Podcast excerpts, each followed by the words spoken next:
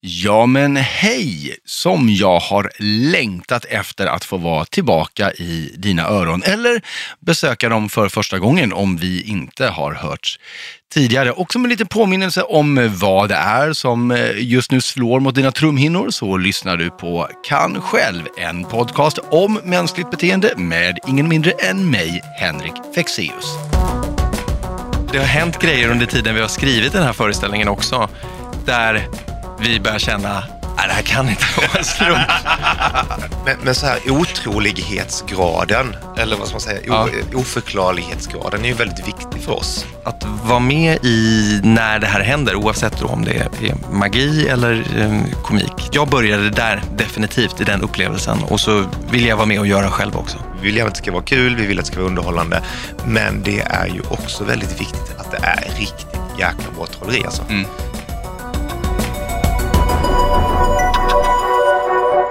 Den här podcasten, eh, eller jag ska säga min ambition med den här podcasten i alla fall, är ju att ta upp ämnen eh, som kan utmynna i lite tips och tricks som man kan ta med sig i sin tillvaro för att göra solen på himlen lite varmare och starkare och molnen lite mindre. Eller färre. Och ibland eh, är det där kanske väldigt praktiskt, men ibland kommer jag in på ämnen som inte nödvändigtvis har den där superpraktiska applikationen, men som jag ändå känner är väldigt värdefulla att känna till eller att förhålla sig till. Därför att det finns så mycket i vår eh, vardag som, eh, som vi inte reflekterar över. Som bara är där och som vi tänker, ja men det där är väl lite kul, eller sånt där tycker man ju inte så mycket om. Och så lämnar vi det där. Och många gånger så har de där sakerna en mycket, mycket djupare psykologisk effekt på oss eh, än vad vi tänker på. Och den här veckans avsnitt hanterar just ett sånt ämne och det är illusioner.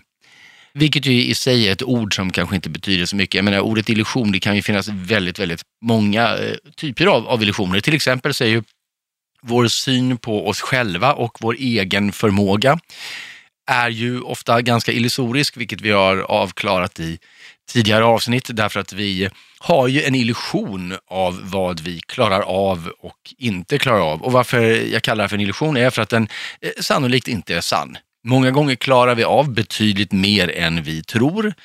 Ibland är det just det som är illusionen, att vi tror att vi klarar av mer än vad vi egentligen gör. Vi har en massa så kallade positiva illusioner om oss själva, vilket vi också har pratat om i tidigare avsnitt. Eh, de här innebär att vi ehm, rent generellt upplever att vi är bättre bilförare än de flesta andra. Vi är lite smartare än de vi har runt omkring oss och vi är lite roligare än våra egna kollegor på jobbet.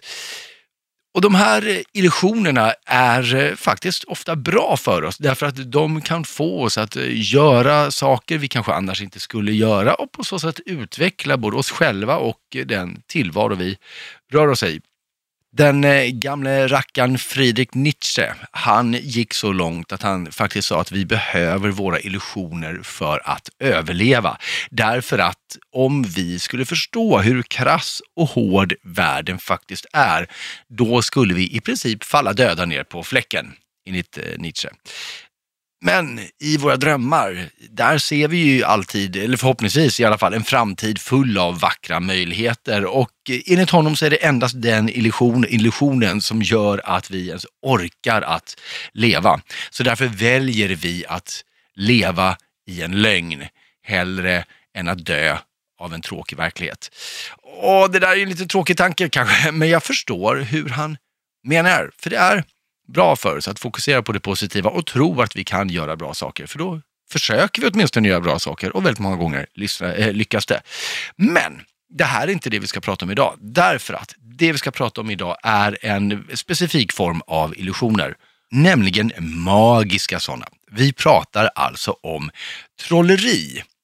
Och det kanske kan vara lite konstigt att jag tar upp det i en podcast om mänskligt beteende, men det här är någonting som jag funderat ganska mycket på. Dels på grund av mitt egna intresse självklart, men det är ju ändå så att vi har en fascination för det här magiska, för trolleri. Och vi har alltid haft det. Och om man ska bända upp det lite och titta närmare på vad det här är, så är det kanske inte alls så trivialt som det faktiskt verkar. Därför att det finns förmodligen fler komponenter i det än vad vi först inser. För magi och, och det mystiska, det har ju funnits i alla tider. En gång i tiden så var trollkaren, det var ju schamanen i, i stammen, eller byns vise man. Den lärde som kunde, eh, visste lite om örter och eh, var full av livsvisdom och som också hade lärt sig ett och annat trolleritrick. Eh, ibland kanske det bara var att slänga pulver i elden som man gör i alla kung fu-filmer så att det kommer rök och blixtar. Men varför? Varför ägnade man sig åt det då? Ja, eh, sannolikt så använder man sig av de här små tricken för att, eh, eh, på ett symboliskt plan, de hade en symbolisk effekt. De visade att shamanen kunde kontrollera delar av verkligheten som eh, de vanliga dödliga inte kunde. Att shamanen stod i kontakt med en större verklighet eller kanske livet bortom detta och de här tricken var på något sätt bevisen för det. För det är just allt det här som är en av de stora omedvetna och kanske medvetna lockelserna med magi och trolleri. Möjligheten att kunna kontrollera verkligheten eller det som finns bortom den. Och eh, det är ju inte konstigt om det kittlar våra hjärnor därför att kontroll är bland det viktigaste som finns för oss. Eh, en stor del av vår tillvaro, och en stor del av de sakerna du själv gör går ut på att eh, försätta dig i en situation där du upplever att du har kontroll. Det är när vi inte har kontroll, det är då vi börjar må, må dåligt. Vi behöver känna att vi styr vår verklighet, vår vardag. Och Det här hänger sannolikt också ihop med, med vår hjärnas behov av att hitta mönster. Därför att om vi kan se ett mönster, om vi kan veta varför något sker, då kan vi också förutsäga vad som kommer att ske och vad som kommer att hända i framtiden. Om vi kan fastställa ett orsaks-verkan-samband, att eh, varje gång jag eh, fäller den här metallbiten neråt mot den här spiken så kommer den djupare ner i träet. Om vi ser det mönstret då kan vi också förutsäga vad som kommer att hända i framtiden om vi gör samma sak. Då bör spiken åka in i träet. Det här har vi också diskuterat lite tidigare. Och det här, varför det är så viktigt för oss är ju för att det är trygghet att ha de här mönstren. Därför att det, då förstår vi hur världen fungerar. Problemet är ju bara att det alltid händer saker som vi inte förstår. Men om då någon verkar ha kontroll över de sakerna, över det där som vi själva inte riktigt kan få in i något mönster, då ser vi ju upp till den personen.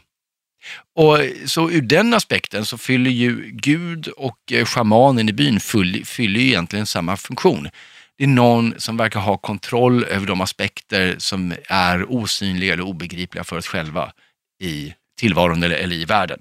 Och den kontroll över verkligheten som magi ger en illusion av, det behöver inte vara en övernaturlig form av, av kontroll. Eh, även om det historiskt har oftast varit så att den som utförde magiska illusioner, det var den här mystiken med eh, spetsig mössa och en lång rock. Men faktum är att det du tänker på när vi pratar om trolleri idag, förmodligen i alla fall, de här klassiska scenillusionerna, någon som står i en kostym eller kanske en läderjacka nu för tiden på scenen och eh, har en låda som de gör någonting med, stoppar in spjut i eller vad det nu kan vara. Den typen av trolleri började faktiskt som en ren uppgörelse med den här mystiska övernaturliga trollkarlen i långrock och spetsig hatt. Och, och, när jag säger att det historiskt hade sett ut så, då menar jag fram till helt nyligen, ända fram till 1800-talet, så var det så. Men sen kom det en ny sorts trollkarlar, eller magiker. Det var en välklädd man, alltid i frack, som tog in trolleriet som vid det laget var lite skamfilat eh, in i de fina salongerna. Och istället för att presentera sina trick som övernaturliga eller magiska fenomen presenterade man nu sina lådor som vetenskapliga demonstrationer. Man använde samma trick och tekniker fortfarande, men istället för att använda trolleriet för att berätta en berättelse om våra förfäder eller om hur världen funkar eller skapa förtroende för mig när jag sen ska använda mina läkande örter på dig, så pratade man nu om moderna vetenskapliga mekanismer som man sen då inom citattecken bevisade genom att använda sina trollerilådor. Den rationella tidsåldern hade helt enkelt gjort sitt intåg och förvandlade därmed hela vår syn på vad magi och trolleri är för någonting. Men igen, Samma sak, vi beundrade dem som hade kontroll över den nya tidsåldern. Arthur C. Clarke sa en gång att magi är bara teknik som vi ännu inte förstår. Och det var precis det som hände här. De nya tekniska uppfinningarna var så fantastiska och obegripliga att de lika gärna kunde vara magiska. Och det var precis det man som trollkarlar då inte kanske utnyttjade utan, utan använde sig av som förklaringsmodell. Så det här är ju en komponent, att vara den som eh, har kontroll över de aspekter av världen som är obegripliga för oss och bevisar det med sina illusioner eller magiska demonstrationer. En helt annan komponent tror jag hänger ihop med det som jag diskuterade i avsnittet om fantasi. Därför att när vi växer upp och kanske till viss grad genom hela livet, så skapar vi ständigt nya teorier om hur världen fungerar. Och det gör vi för att försöka förstå hur saker och ting hänger ihop. Och om trolleri tidigare på något sätt befästa att ja, det finns mönster, så, så utmanar trolleri samtidigt de här teorierna genom att säga att jaha, gravitation är en grej, säger du. Ja, men i så fall borde ju inte den här näsduken kunna sväva och det gör den ju. Hur tänker du nu? Så trolleri, utan att vi kanske inser det själva, men varje gång du ser ett trolleritrick så utmanar det de teorier som du har om hur världen funkar och tvingar dig, i alla fall om det är ett bra trick, att fundera på dem igen. Det ger med andra ord, eller det har i alla fall potentialen till att ge möjlighet till kreativt tänkande och eh, att skapa idéer som vi kanske annars inte skulle ha fått. Om du någon gång har sett ett trolleritrick och inte bara tänkt ah, det var ju ett smart pussel, jag undrar hur de gjorde, vilket kanske är en vanlig reaktion idag. Men om du har fått det här som en vän kallar till mig för a moment, när, när, eh, när världen plötsligt tippar på ända, för, även om det bara är för en halv sekund. Om du har fått den upplevelsen någon gång när du tittat på trolleri och någon har gjort ett korttrick för dig, då är det sannolikt precis det här som händer. Att din hjärna plötsligt måste släppa det du visste om världen och fundera på hur den uppenbarligen ser ut istället. Innan du inser att det var ett trick och ordningen återställs förstås. Men jag tror ändå att även om det där är kort, den här upplevelsen, så är det väldigt bra för vår hjärna att få uppleva de där sakerna. Därför att eh, normalt när vi ser saker som vi inte förstår, då får det oss att leta efter en förklaring och på så sätt utveckla vår förståelse av världen. Men när det inte finns en förklaring, när näsduken inte borde kunna sväva men den gör det ändå, då upplever vi just den här känslan av att världen inte längre är förutsägbar och ordningsam. Vilket i sin tur är någonting som skulle kunna vara farligt. Men vinsten här att vi får uppleva det här potentiellt farliga under väldigt kontrollerade former. Och Det skulle faktiskt inte heller förvåna mig om, om det är så att vi både får ett lätt litet stresspåslag och även en liten skjuts av dopamin som belöning för att vi tillåter vår hjärna att ha den här upplevelsen. Och varför jag säger det, varför, varför jag är inne på att det kan vara stressande och någonstans ha aspekter av farlighet i sig är för att man har sett att det är faktiskt samma del av hjärnan som aktiveras när vi blir just förbluffade på riktigt av ett trolleritrick som när vi tittar på skräckfilm. Trots att trolleritrick eh, i alla fall inte oftast är läskiga. Om de är skräckinjagande så är det av helt andra anledningar. Då beror det mer på att man har att göra med en trollkarl som kanske borde slutat för ett tag sedan. Men, men poängen är att, att de här illusionerna, de, även om det vi inte tänker på det här när vi eh, ser eh, någon såga i tu en annan person på scenen eller när eh, Ruter kung har bytt plats i leken.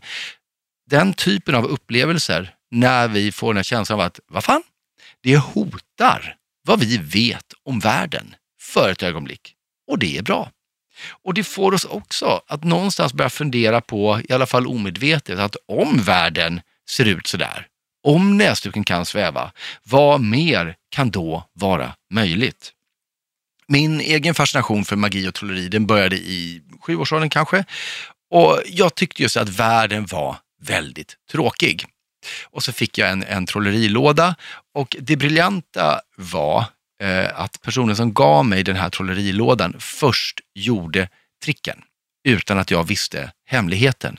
Så jag fick uppleva den här fantastiska världen där allt plötsligt var möjligt, där ingenting var som jag trodde att det var.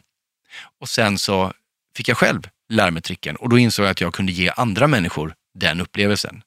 Det här är också en trollkarls kan jag säga, eviga förbannelse. Trollkarlar är mästare på att hamstra litteratur och rekvisita och nya trick. Därför att så fort man vet hemligheten så är ju världen återställd till hur den var förut. Man inser att det fanns ett pussel bakom och trollkarlar är obotliga romantiker. De vill, de flesta av dem i alla fall, ha den där större världen, den där upplevelsen av att saker och ting inte är som vi tror att det är. Men man förstör ju för sig själv hela tiden genom att ta reda på hur det gick till. Och även jag höll på med det väldigt länge. Men, men poängen är att det, det som jag upplevde där när jag var sju, bara, bara det faktum att världen kunde fungera på ett annat sätt, att det kanske fanns fler färger på himlen än vi såg. Eh, det, den var oerhört spännande och det var en väldigt kittlande upplevelse. Och det är därför Harry Potter är ett så stort fenomen, därför att det tillåter oss att bli barn igen i vårt sätt att upptäcka världen. Tänk om det var så istället. Tänk om det går att flyga på en kvast. Tänk om Illuminati finns. Det tråkiga kan jag ju tycka att för de allra, allra flesta så verkar det här vara en eh, omedveten process. Man har alla de här härliga tankarna och mekanismerna sätter igång i huvudet, men är inte riktigt medveten om det själv. Och det är synd, för att det är ju roligare att tillåta sig det, den här eh, förundran över att världen kan vara annorlunda. Faktum är att just nu så finns det ett, ett, helt vetenskapligt område som analyserar just vad som händer i hjärnan när vi ser ett trolleritrick. Och eh, de analyserna gör man på två sätt. Dels så skannar man hjärnan, eller vissa fält i hjärnan för att titta på mekanismerna där. Man tittar också på gruppdynamik, hur vi beter oss mot andra när vi upplever illusioner. För Frågan är, trots allt som jag har pratat om nu, så är frågan fortfarande inte helt besvarad. Varför tycker vi att det är så roligt att bli lurade?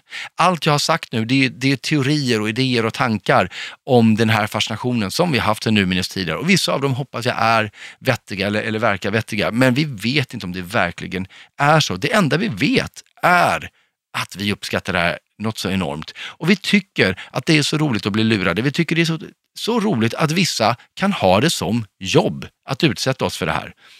Som till exempel eh, gästerna i det här avsnittet av Kan själv, nämligen illusionisterna Peter Brynolf och Jonas Ljung. Mer kända som trolleriduon Brynolf och Ljung. Välkomna hit! Tack. Tack så mycket. Hörrni, jag tror alla kanske inte inser det här, men för er del som trolleriduo, det börjar närma sig tio år har mm. jag räknat ut på fingrarna. Absolut. Ni det... har varit med ett tag. Det har vi varit. Vi har till och med passerat tio år om man ska vara riktigt Är det så? Från att vi började göra vår första grej. Liksom. Det beror på när man säger att starten var. Jag vet inte. Ja, men ja. ja, ja. Det är lite vagt, men det är viktigt att definiera om vi ska ha någon form av fest. Ja, det är sant. Det har du riktigt. Men då tycker jag så här, då, tar vi, då, då, gör vi, då skjuter vi lite på det i, i, tid. Uh, och så säger vi att det, för jag tänker att ni började i princip på topp uh, på en gång. Vi kan skjuta till 2009, ja, för då ja. tog ni silvermedalj i FISM. För de som lyssnar på det här och undrar vad betyder det, så är det typ trollerivärldens OS. Ja. Så kan vi säga att, att det, är det någon, en bra festpunkt? Så här? 2019 blir festen då? Det kan vara absolut vara en bra, bra startpunkt tycker jag. Japp. Fest, nej, men jag bara, jag bara sitter och tänker nej, på festen. Jo då, jo då, jag är med. Ja. Uh, Jonas tveksam. Uh, och året efter det, 2010, och då var det så här, rätt om jag har fel, men 2009, ni var ju inte ett jätte-household name ännu i Sverige då. Nej, då gjorde vi vår första tv-grej någonsin. Testade ja. att göra tv. Vad var det? Då var det Talang i TV4. Ah, som deltagare? Ja, ja, men precis. Och det gick eh, bra. Vi kom trea, tror jag. Ja, grattis.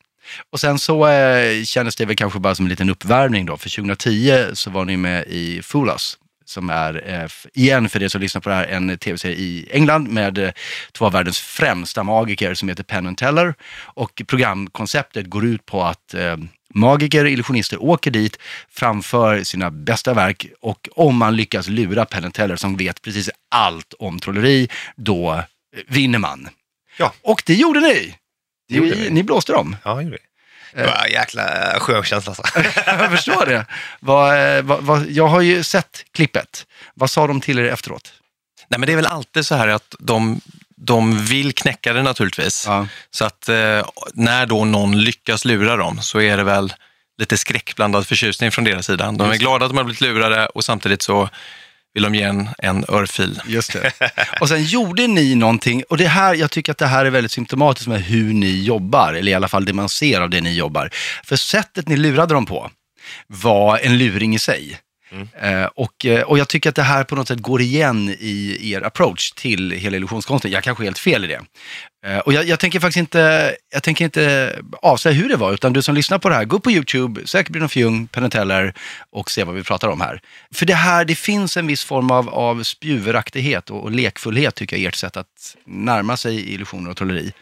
Vi gillar ju konceptet att man, eh, att, att man inte är färdig riktigt när man tror att man är färdig att det kommer, kommer någon form av vändning. Och just i Penneteller-fallet så, det var faktiskt så att vi typ två timmar innan så konstaterade vi att vad handlar det här programmet om egentligen? Jo, mm. det handlar om att lura Peneteller. Då är det faktiskt det vi ska göra.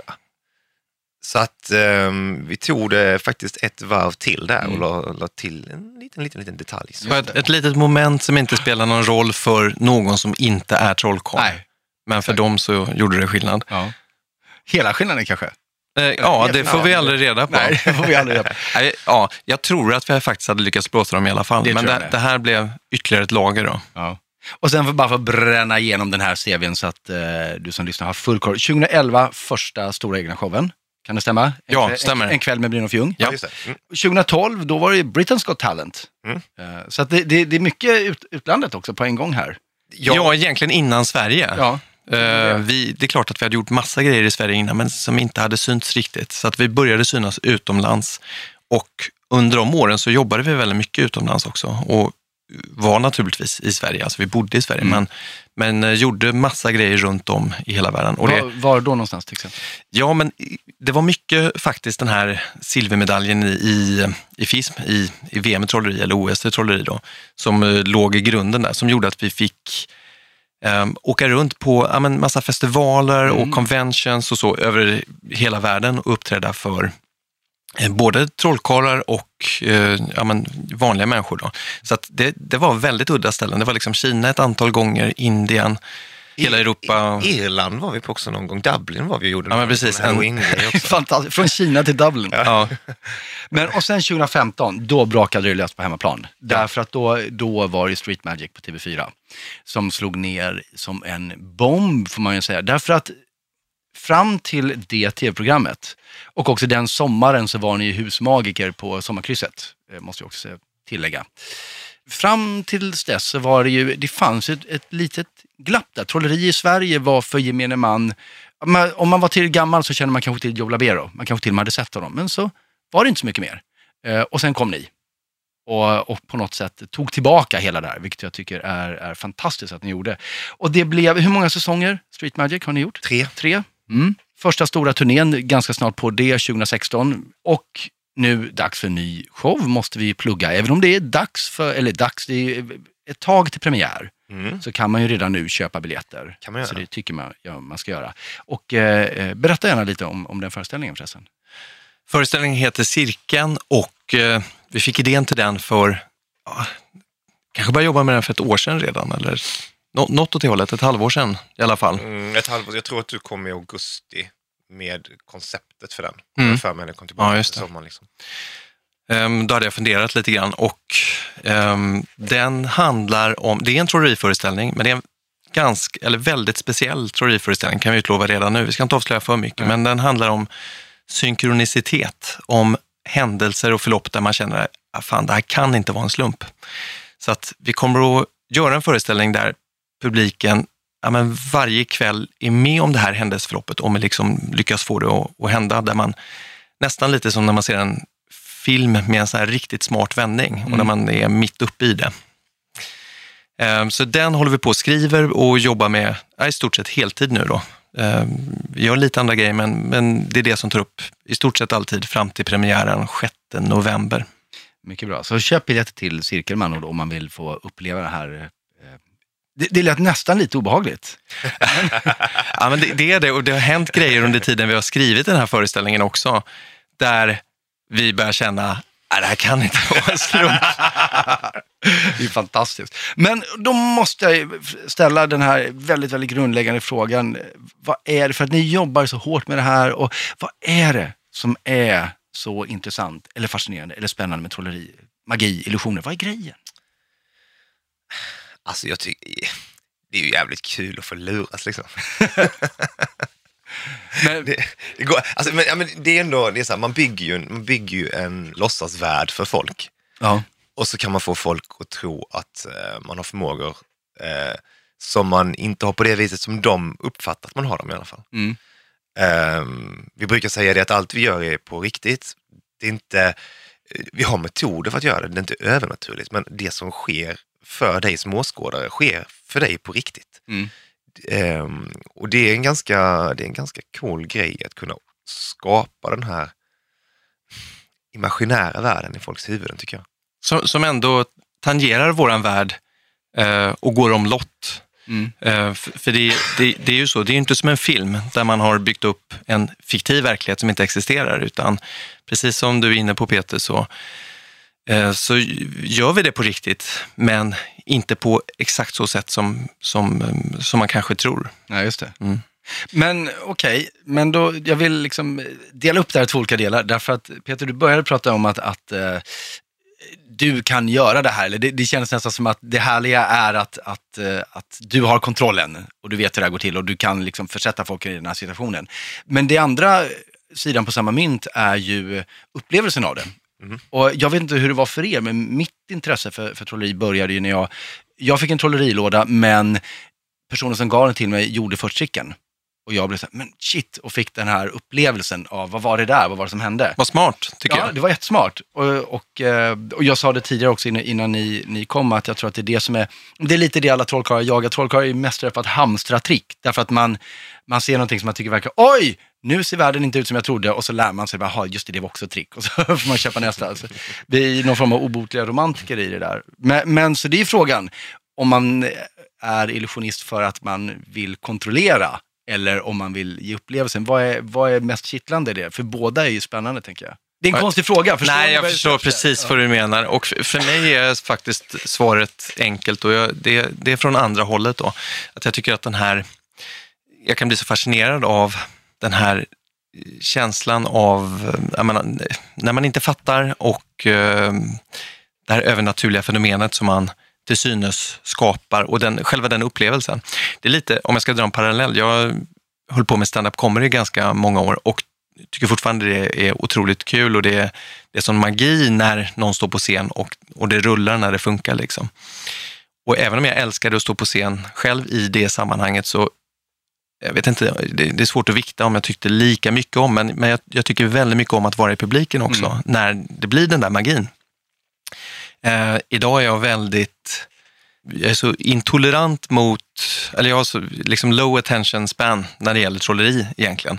Så att när jag ser trolleri och det är riktigt bra, då tycker jag det är fantastiskt. Men det, jag, jag, har, jag har lite svårare att sitta i publiken idag mm. under en trolleriföreställning faktiskt. För att det är ofta det inte är hundra Alltid. Och då, men, men i vilket fall, att, att vara med i när det här händer, oavsett om det är magi eller eh, komik. Det, jag började där definitivt i den upplevelsen och så vill jag vara med och göra själv också. Ja, det där är en väldigt bra, alltså hur började det egentligen för er? Vad, hur väcktes intresset? I mitt fall, eller bägge, bägge, både jag och Jonas kollade ju på eh, Magiskt som gick på 90-talet med Hans Crispin. Mm -hmm. Um, TV4. Mm. Mm, precis. Så det var ju lite um, wake-up, kolla att det fanns trolleri på det viset, liksom, för det hade man inte sett innan det programmet. Alltså. Då kändes det väldigt modernt som, som man gjorde i det, det programmet då. Mm. Verkligen. Uh, och jag har fortfarande ett par sådana här moments som jag kommer ihåg. Vad var, vad, var det, vad var det de gjorde i det programmet? Vad, vad, vad minns ni från det? Konceptet var att Hans Crispin som då var eh, trollkarl fast på, på en liksom hobbynivå som älskar trolleri, men, och så var han programledare på TV4 också. Han gjorde ett program där han tog dit sina eh, ja, men lite idoler, folk som han gillade från hela världen. Så de var där, trollade i studion för honom och så visade de, de varvade det här med bandade inslag från olika trolleriföreställningar runt om i världen. Mm. Och, eh, och, och, sen så någonstans, jag kommer inte ihåg exakt vilka år det gick, men det var typ så här 93, 94, 94 95 tror jag. Ja, något sånt. Och sen jag, i alla fall, jag bodde i Sölvesborg och en mil från Sölvesborg ligger Bromölla. Och eh, som du vet Henrik så bodde ju Bromölla Bernando då på den tiden. som sålde trollerirekvisita i sin källare. Så började brorsan åka dit och köpa lite grejer och sen så tog väl jag över det där helt enkelt. Mm. Började åka dit och köpa böcker och så. Så att eh, där någonstans började, började jag.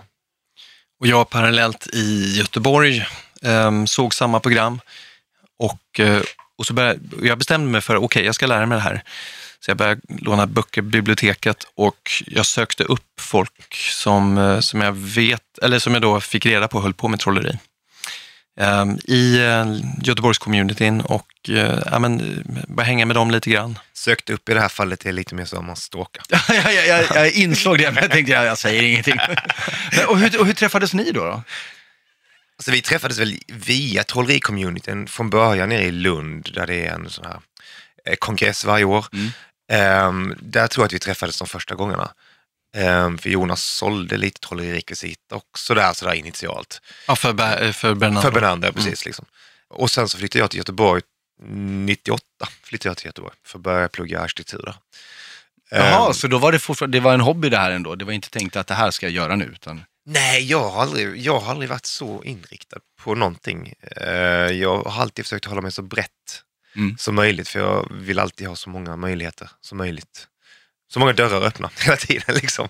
Hur gick det med arkitekturstudierna då? Ja, men jag pluggade tre år där och sen så hoppade jag av det och så gick jag musikalartistutbildning i tre år istället. Och så, när jag var klar där, då, då var det 2004 mm. och då uh, började jag och Jonas göra de första grejerna egentligen sådär, tillsammans. Vad möter ni för reaktioner då?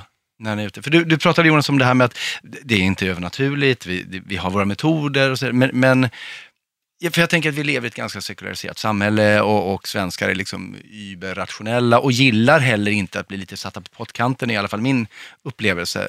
Möter ni folk som genuint upplever att ni har en övernaturlig förmåga eller vad, vad får ni för, för respons? Det händer att vi får, eh, nu har vi plockat bort våra kontaktuppgifter från, från nätet liksom. Så mm. det är inte lika ofta nu, men ibland så händer det att vi får något brev eller sådär.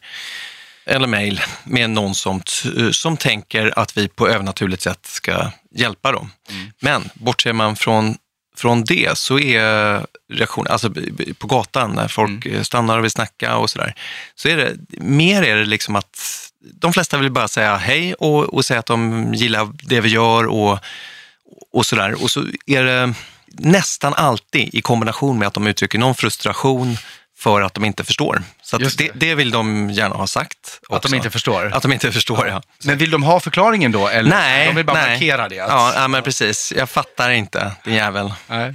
Men, men så här otrolighetsgraden, eller vad ska man säga, ja. oförklarlighetsgraden är ju väldigt viktig för oss eh, i, det, i det vi gör. Vi vill ju det finns så många olika ingångar i trolleri. Det finns de som gör det väldigt pretentiöst. Eh, vi kanske inte heller, vi vill gärna att det ska vara kul, vi vill att det ska vara underhållande.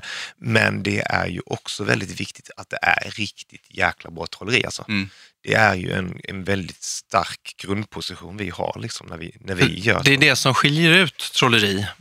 Det är det som är det unika med trolleri. Och det, det kan vara lätt att inte glömma, men eh, ändå sådär, jämfört med de andra underhållningsformerna. Mm.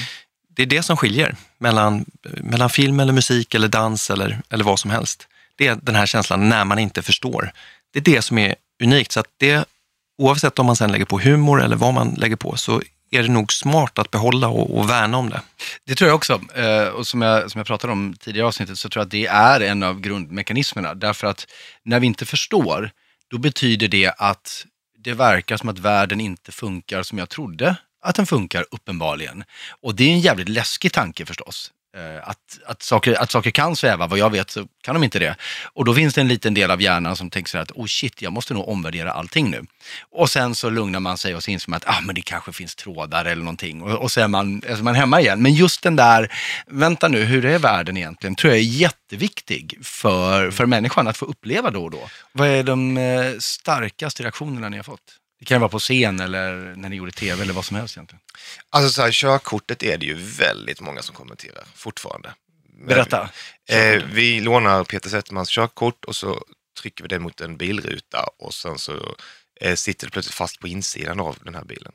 Det är ju ett eh, trick som, alltså, vi får ju, jag ska inte säga få dagligen kommentarer på det, men fortfarande, det gick säsong ett liksom. Sen har mm. de ju repriserat det typ ja. hela tiden sedan dess.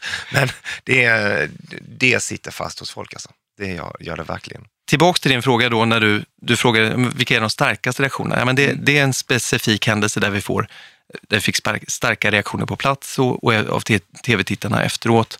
Ehm, men annars eh, normalt på scen och, och, överhuvudtaget då. Mm, människor som skriker eller börjar gråta, det är, det är nog bland de starkaste reaktionerna. Mm. Den här frågan kan man väl ställa om, om alla konstformer egentligen. Men om vi tänker oss att, att illusionskonst och förmågan att, att visa att jag kan kanske styra världen på ett sätt som inte du inte kan, eller jag står i kontakt med en annan värld. Um, på så sätt har ju trolleri och, och magi och illusioner haft en liksom historiskt viktig och bärande roll. Liksom vi har shamanen i, i stammen eller den vise mannen i byn som också kunde någonting för att förstärka eh, trovärdigheten på sig själv. Men jag tror att min fråga är, eh, har det en relevans idag? Eller skulle vi säga, nej, vi kan skita i det här nu. Behövs trolleri och i så fall varför? det, ja, ja. Det, Säger jag till de två främsta trollkarlarna. Ja, men, men, men, jag hoppas ni förstår. Ja, ja men eh, behö, eh, alltså, trolleri behövs ju på samma sätt som eh, övrig kultur som vi konsumerar. Ehm, och bra, jag tänker bra film är inte verklighetsflykt, utan bra film eh, hjälper en att förstå vem man är som människa. Mm. Inte att man flyr till något annat, utan eh, man eh, genom eh, de karaktärer som man upplever i film, de karaktärer som man, som man ser, hur de agerar och så vidare, så får man nycklar till vem man är själv och man tänker efter hur man själv skulle agera. Att man sätter in sig själv i, i den här ja, situationen. Då. Så det är ju en funktion av kultur. Då. Mm. Behövs specifikt trolleri? Eh, ja, vi hade ju överlevt utan trolleri säkert, men det är något väldigt primalt, att det är någonting som har följt med mänskligheten. Om ni skulle, om ni skulle ge tips då till någon som säger, men jag har, inte, jag har inte riktigt koll på trolleri och jag har inte hunnit se Brynolf Ljung heller. Uh, finns det något, ett YouTube-klipp eller någonting med kanske er eller någonting som ni har inspirerats av? Som ni vill säga, om du vill förstå vad trolleri, vad som är det fantastiska med det, titta på det här. Har ni någon sån led, stjärna? Ja, jag skulle säga då att det är, eh, precis som musik, så är det inte så generellt. Alltså mm. vill, du, vill du kolla bra musik, kolla in den här artisten. Ja, det kan man ju säga, men det är subjektivt i vilket mm. fall. Va? Så att eh, jag tycker det är ganska många som är bra på det de gör idag, men de är bra för att de gör det individuellt. Mm. Så att vill man se storslagen scenshow, då ska man se David Copperfield. Problemet är att man behöver åka till Vegas mm. därför att han bevakar ganska hårt klipp på, på nätet. Det är jättesvårt att hitta klipp som är nyare än 20-25 år mm. på nätet med David Copperfield. Då. Men han är ju en eh, legendar och kommer säkert inte eh, göra den här föreställningen allt för länge till då. Han eh, gör, vad är det Peter, 14 föreställningar tror jag. I, fem, 15 föreställningar i veckan i, i Vegas just nu. Så det, där kan man se det live naturligtvis. Då. Eh, annars att kolla upp på nätet, David Blaine som uppfann Absolut. formatet Street Magic. Eh, Darren Brown naturligtvis som gör eh, ja, men fantastiska, jag tycker hans tv-serier är, är ja, bland de intressantaste. Och, eh, och jag menar... Tidig Chris Angel skulle jag säga är också bra tv-serier, hans mm. tidigare klipp. Absolut. Och vill man se våra program så ligger de, de ligger på TV4 Play också. Då. Och där kan man se Peter Settmans eh, körkort. Ja, absolut. Det kan man gå in och titta på. Peter Jonas, tack så jättemycket för att ni kom hit. Tack, tack så mycket. Peter nämnde ju några gånger det här med otrolighetsgrad, att den är viktig. Och så är det ju, trolleri är otroligt, men samtidigt så är det ju så, och jag tror att, jag har, inte, jag har valt att inte nämna det här innan, men jag tror att en av huvudkomponenterna i att vi gillar det här, förutom att det liksom bråkar med vår hjärna och får oss att tänka nya tankar och, och så här, är ju att den genomsnittliga personen tror på magi. Vi tror på trolleri, att det existerar. Kanske inte på, på det där Harry Potter-sättet, men, men eh, på det här sättet. Eh, för du, du har ju eh, hela tiden tillgång till de tankar som far runt i, i ditt huvud. Så eh, när du möter en situation så är dina egna tankar om den situationen det som är mest framträdande. Och när de tankarna verkar vara eh, konsekventa med det som händer i en situation. Till exempel om du sitter i en bilkö och så sitter du vid ett rödljus och tänker, ah, kan det inte bli grönt? Och så i samma sekund så blir det det. Då gör din hjärna en automatisk eh, orsak-verkan-koppling, alltså en, en kausal koppling. Eh, som jag var inne på, för vår hjärna vill skapa mönster hela tiden, så det sker, går på automatik. Och så tänker du tanken att oj, jag måste ha orsakat det där ljuset till att slå om till grönt. Det är klart, om vi tänker den tanken medvetet, då vet vi någonstans att nej, det var förmodligen inte jag. Men samtidigt har vi ju kvar den där lilla känslan, för vi gör det hela tiden och många gånger sker det omedvetet. Jag ska säga så här, vi är liksom förprogrammerade till att eh, ha en övertro till vår egen kontroll över yttre händelser. Vi är hårdprogrammerade till att ha, tro att eh, när jag tänker någonting så sker det utanför mig. Jag menar herregud, boken The Secret, om du möjligtvis har läst den, så börjar den kanske vettigt, men kommer ju ganska snart in på just det här med rent magiskt tänkande. Tänk tillräckligt mycket att du vill vinna en resa, så gör du det. Och det sätt som det bevisas i, i den här boken och liknande eh, tankar som många verkar ha, är ju att det finns alltid tillräckligt många människor där det har hänt. De tänkte på en resa och så vann de en resa och då skulle det vara ett bevis för att det fungerar så. Men det finns ju precis lika många människor som har tänkt på en gul banan samtidigt som de vann en resa eller läste en bok med Harry Potter för den delen samtidigt som de vann resan. Så det här är ingenting annat än magiskt tänkande och vidskeplighet. Men det kommer sig av att vi hela tiden tänker tankar om vår situation. Ibland sammanfaller de med situationen och vår hjärna gör kopplingen som en orsak och verkan.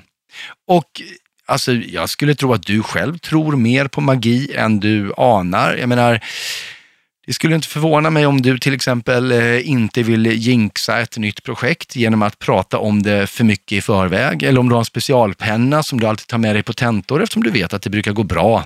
Och det här sättet att på något sätt ändå tro på eh, magiska samband, det har bevisats i en väldigt intressant studie där man fick Eh, läsa följande påstående på en skärm och då fick man läsa det här att Jon har precis sökt till universitetet och hans förstahandsval var Stanford. Hans mamma, som alltid var optimistisk, skickar honom därför en Stanford-tröja och när den kom med posten så bar Jon den redan nästa dag.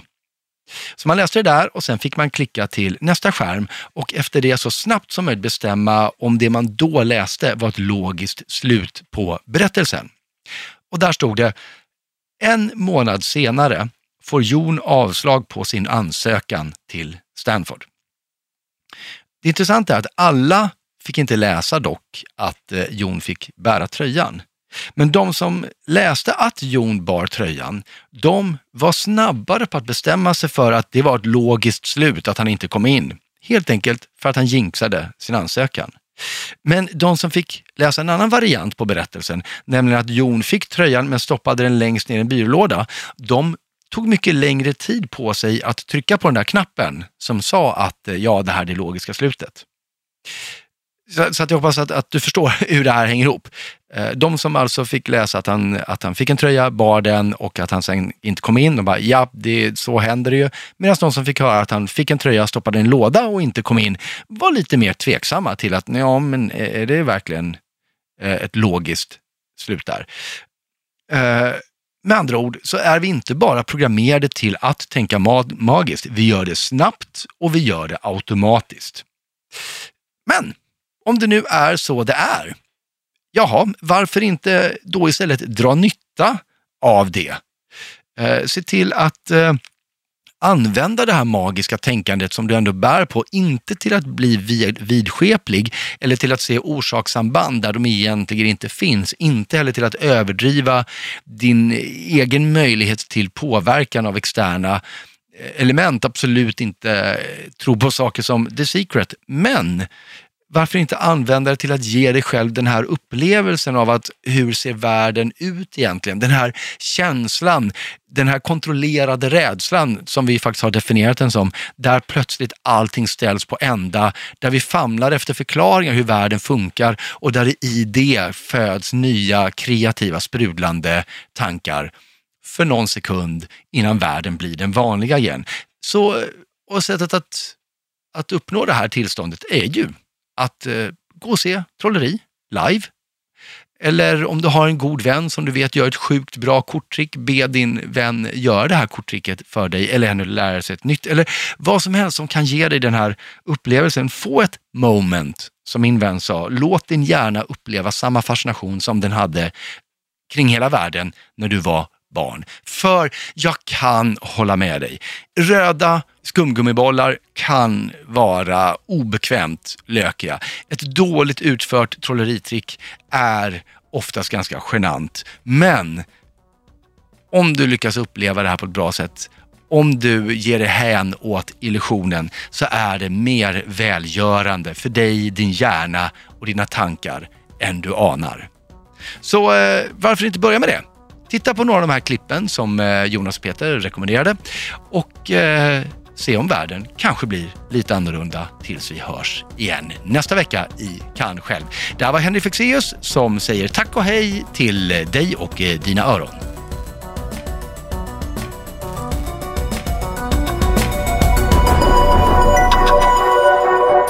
Produceras av I Like Radio. I like